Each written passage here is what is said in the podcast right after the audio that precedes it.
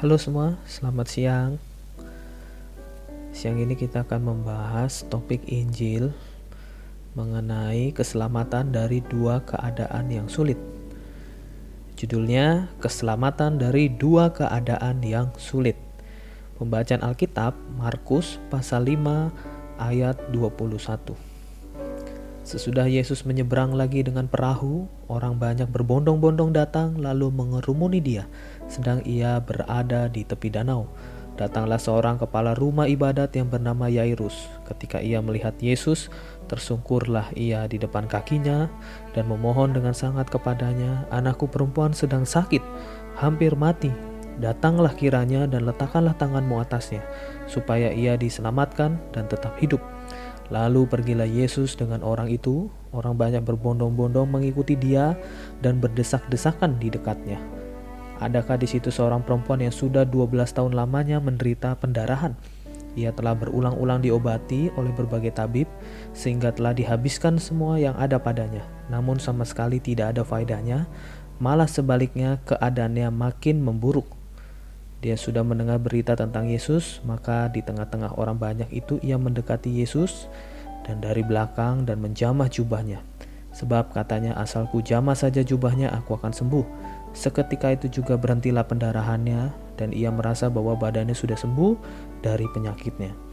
Pada ketika itu juga Yesus mengetahui bahwa ada tenaga yang keluar dari dirinya. Lalu ia berpaling di tengah-tengah orang banyak dan bertanya, "Siapakah yang menjamah jubahku?"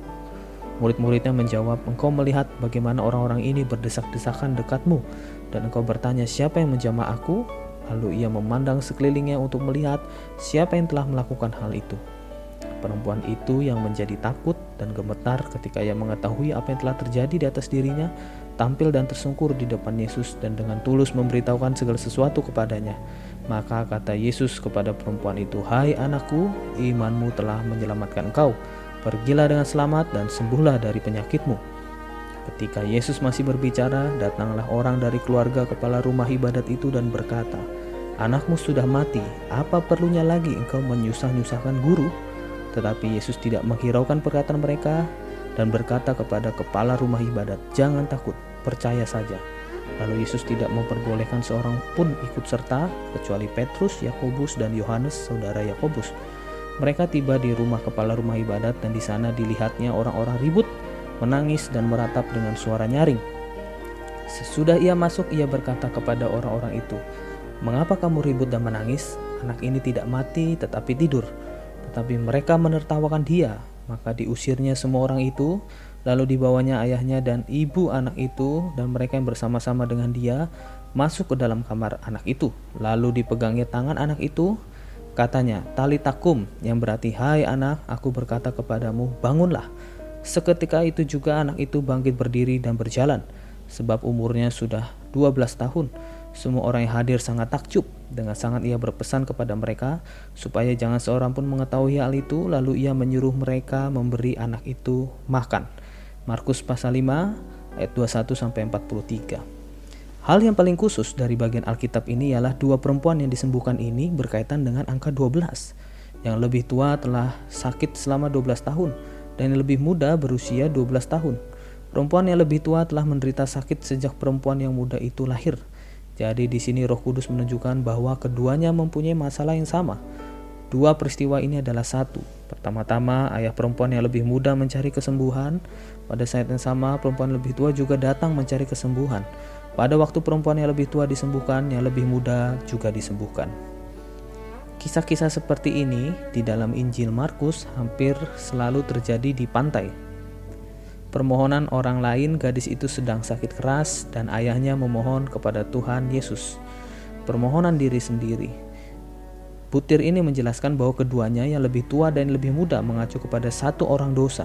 Alasannya yang lebih tua mulai sakit ketika yang lebih muda itu lahir yang lebih tua telah sakit selama 12 tahun dan yang lebih muda berumur 12 tahun.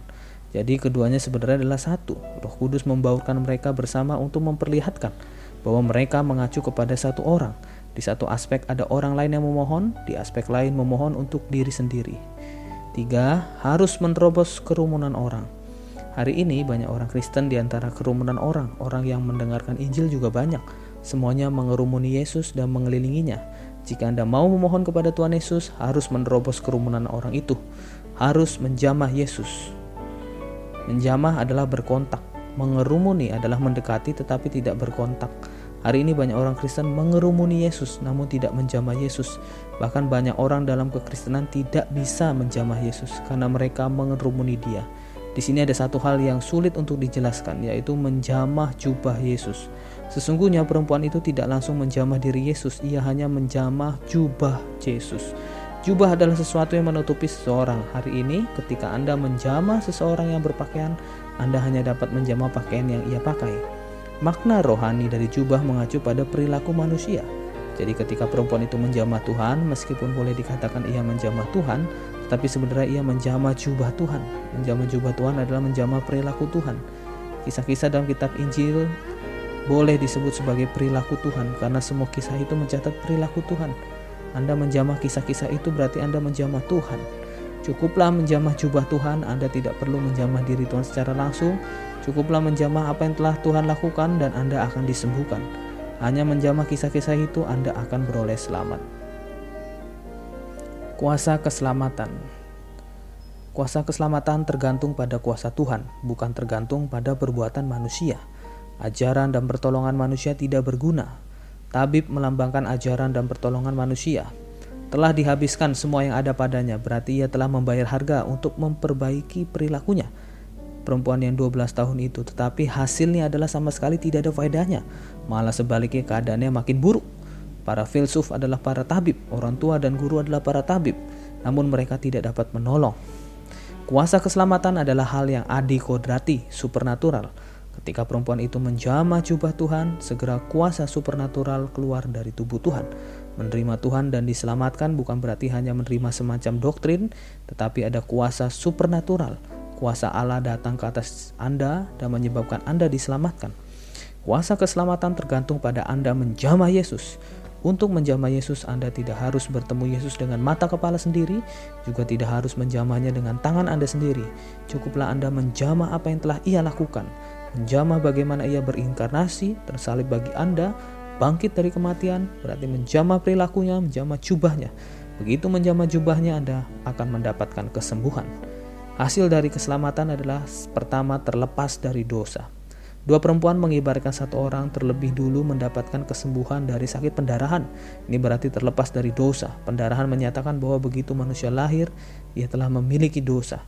Karena apa yang keluar dari dalam manusia adalah dosa, kini karena menjamah Kristus, dari diri Kristus ada suatu kuasa yang keluar membuat manusia terlepas dari dosa. Hidup kembali. Anak manusia yang muda hidup kembali setelah perempuan yang lebih tua mendapatkan kesembuhan, ini mengibaratkan manusia hidup kembali setelah terlepas dari dosa. Haleluya.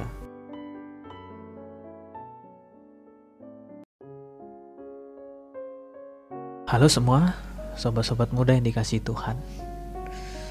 Kali ini kita akan membahas judul kenajisan hati.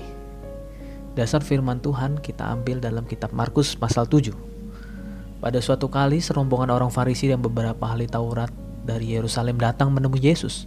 Mereka melihat bahwa beberapa orang muridnya makan dengan tangan najis, yaitu dengan tangan yang tidak dibasuh.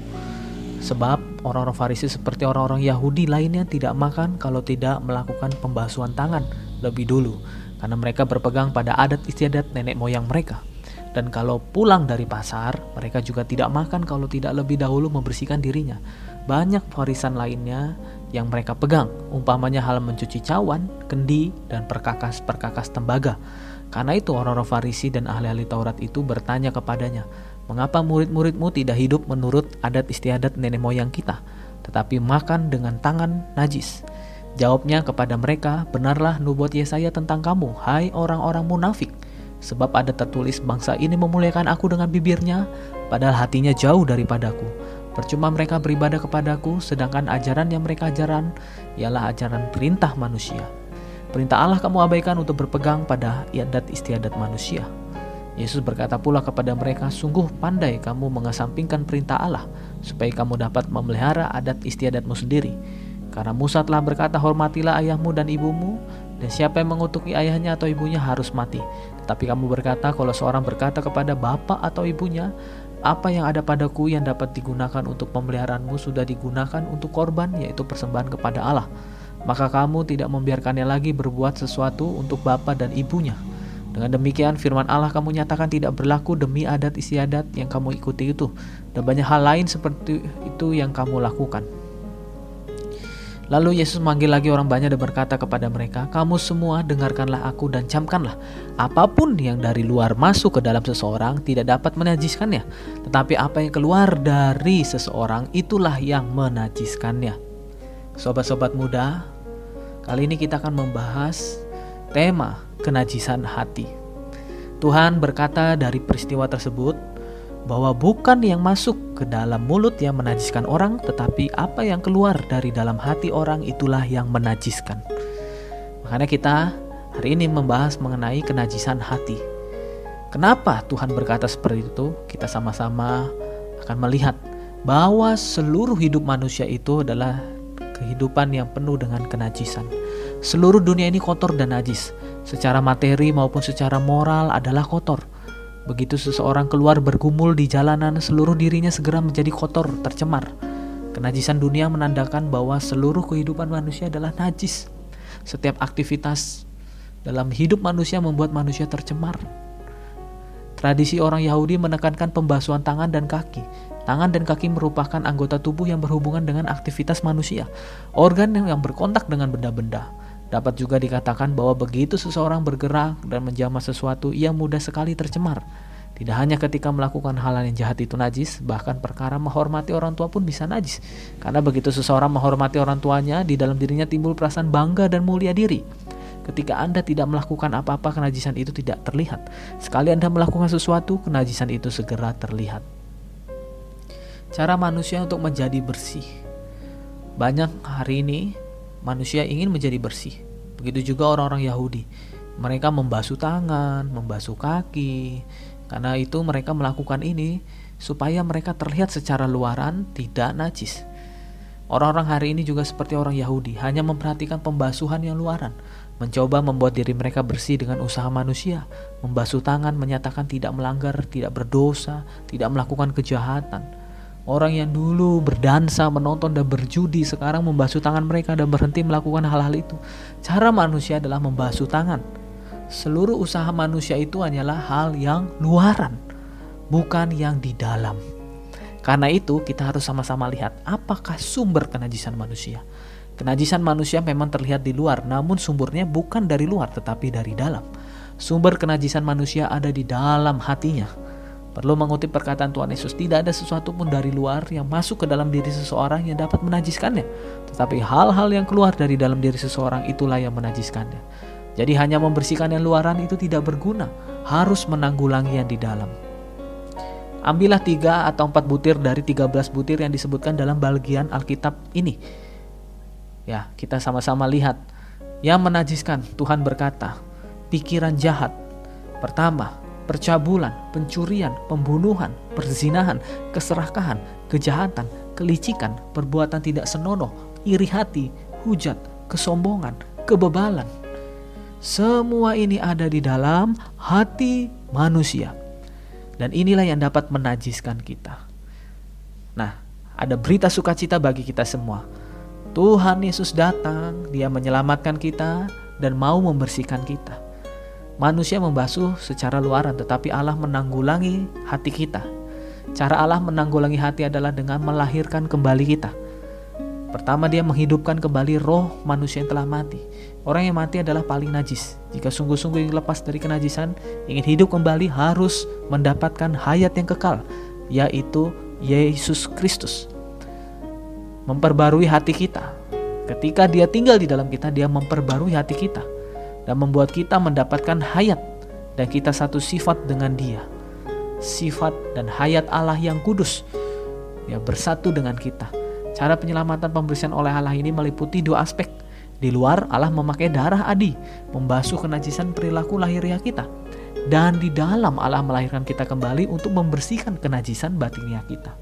Bagaimana kita dibersihkan? Kita harus mengaku bahwa kita adalah orang yang najis, di lahir dan di batin Lalu kedua kita menerima Tuhan sebagai juru selamat.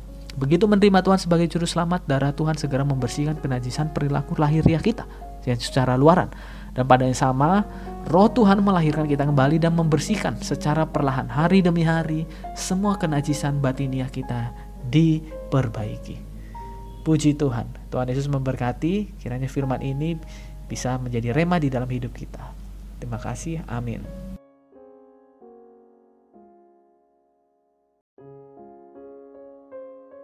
Halo semua, sobat-sobat yang muda yang dikasih Tuhan. Kali ini kita akan membahas topik dengan judul Iman yang Menyelamatkan Perempuan Kanaan. Dasar firman Tuhan kita ambil dalam kitab Matius pasal 15 ayat 21 sampai 28 dan Markus pasal 7 ayat 24 sampai 30. Di situ berbicara mengenai perempuan Kanaan. Yesus datang ke tanah kafir Tirus dan Sidon adalah kota-kota orang kafir. Ketika Yesus datang ke sana, berarti datang kepada orang-orang kafir. Hari ini Injil Yesus diberitakan di sini, berarti Yesus datang ke tempat kafir. Manusia dirasuk oleh setan. Ketika Yesus datang ke Tirus dan Sidon di sana, datang seorang perempuan berseru kepadanya, "Kasihanilah aku ya Tuhan, anak Daud, karena anakku perempuan kerasukan setan dan sangat menderita." Yang memohon adalah seorang perempuan dan yang dirasuk juga seorang perempuan. Perempuan mewakili posisi manusia di hadapan Allah. Manusia di hadapan Allah adalah perempuan. Anak perempuan dari seorang perempuan dirasuk setan menandakan bahwa semua orang yang lahir dari perempuan dirasuk oleh setan. Banyak hari ini setan yang merasuki diri kita. Ada setan disco, setan nonton, cabul, judi, mabuk, rokok, dan lain-lain. Semua ini menandakan bahwa kita sedang dirasuk setan. Bukankah keadaan kita hari ini sama seperti ini? Banyak anak-anak Kristen, anak-anak Allah yang hidupnya tidak mencerminkan Kristus. Karena itu kita harus lihat posisi manusia di hadapan Allah. Menjawab permintaan perempuan itu Tuhan berkata tidak patut mengambil roti yang disediakan bagi anak-anak dan melemparkan pada anjing. Kenapa disebut anjing? Di sini seolah-olah Tuhan berbicara sangat keras. Memang selain orang Yahudi, bukan umat pilihan Tuhan disebut anjing orang-orang kafir. Hari ini keadaan manusia di depan Allah seperti anjing. Mengapa kita disebut anjing? Karena kita najis. Kita suka yang kotor, kita suka sampah. Kita tidak suka hal-hal yang bersih. Karena itu, meskipun manusia seperti anjing di depan Allah, Allah masih memberi manusia suatu bagian, yaitu remah-remah yang jatuh di bawah meja. Meskipun hari ini Anda tidak dapat melihat Yesus dengan mata kepala Anda, namun ada Injil dibentangkan di hadapan Anda. Jika Anda menerima Injil ini, yang seperti remah-remah, cukup untuk menyelamatkan Anda. Anda tidak perlu mutlak melihat Yesus, Anda tidak perlu naik ke atas meja, karena Anda sudah jatuh di bawah meja. Ya, roti berada di atas meja, namun juga ada remah-remah di bawah meja. Meskipun keadaan manusia yang jatuh tidak layak untuk datang ke atas meja anak-anak, namun demikian Anda dapat diselamatkan hanya dengan menerima remah-remah di bawah meja. Bagaimana kita mengambil remah-remah itu? Seperti perempuan kanan itu. Dia menyadari dirinya adalah anjing. Mengakui posisi diri sendiri. Kita juga harus mengakui bahwa kita ini anjing. Kita ini orang yang berdosa, yang najis. Ya kan? Kita tidak ada sesuatu yang baik di atas diri kita. Tetapi kita memiliki iman yang menyelamatkan dan memegang perkataan Tuhan. Kita percaya. Karena itu, ketika Tuhan melihat iman dari perempuan kanan itu, ia heran. Nah, kita juga harus mengambil contoh ini. Kita harus beriman, kita harus percaya kepada firman. Bahwa firmannya, bahwa Tuhan bisa membuat kita yang najis ini menjadi bersih di hadapannya. Melalui kita percaya dan kita senantiasa datang pada firman dan berdoa di hadapannya. Selamat menikmati, Tuhan Yesus memberkati.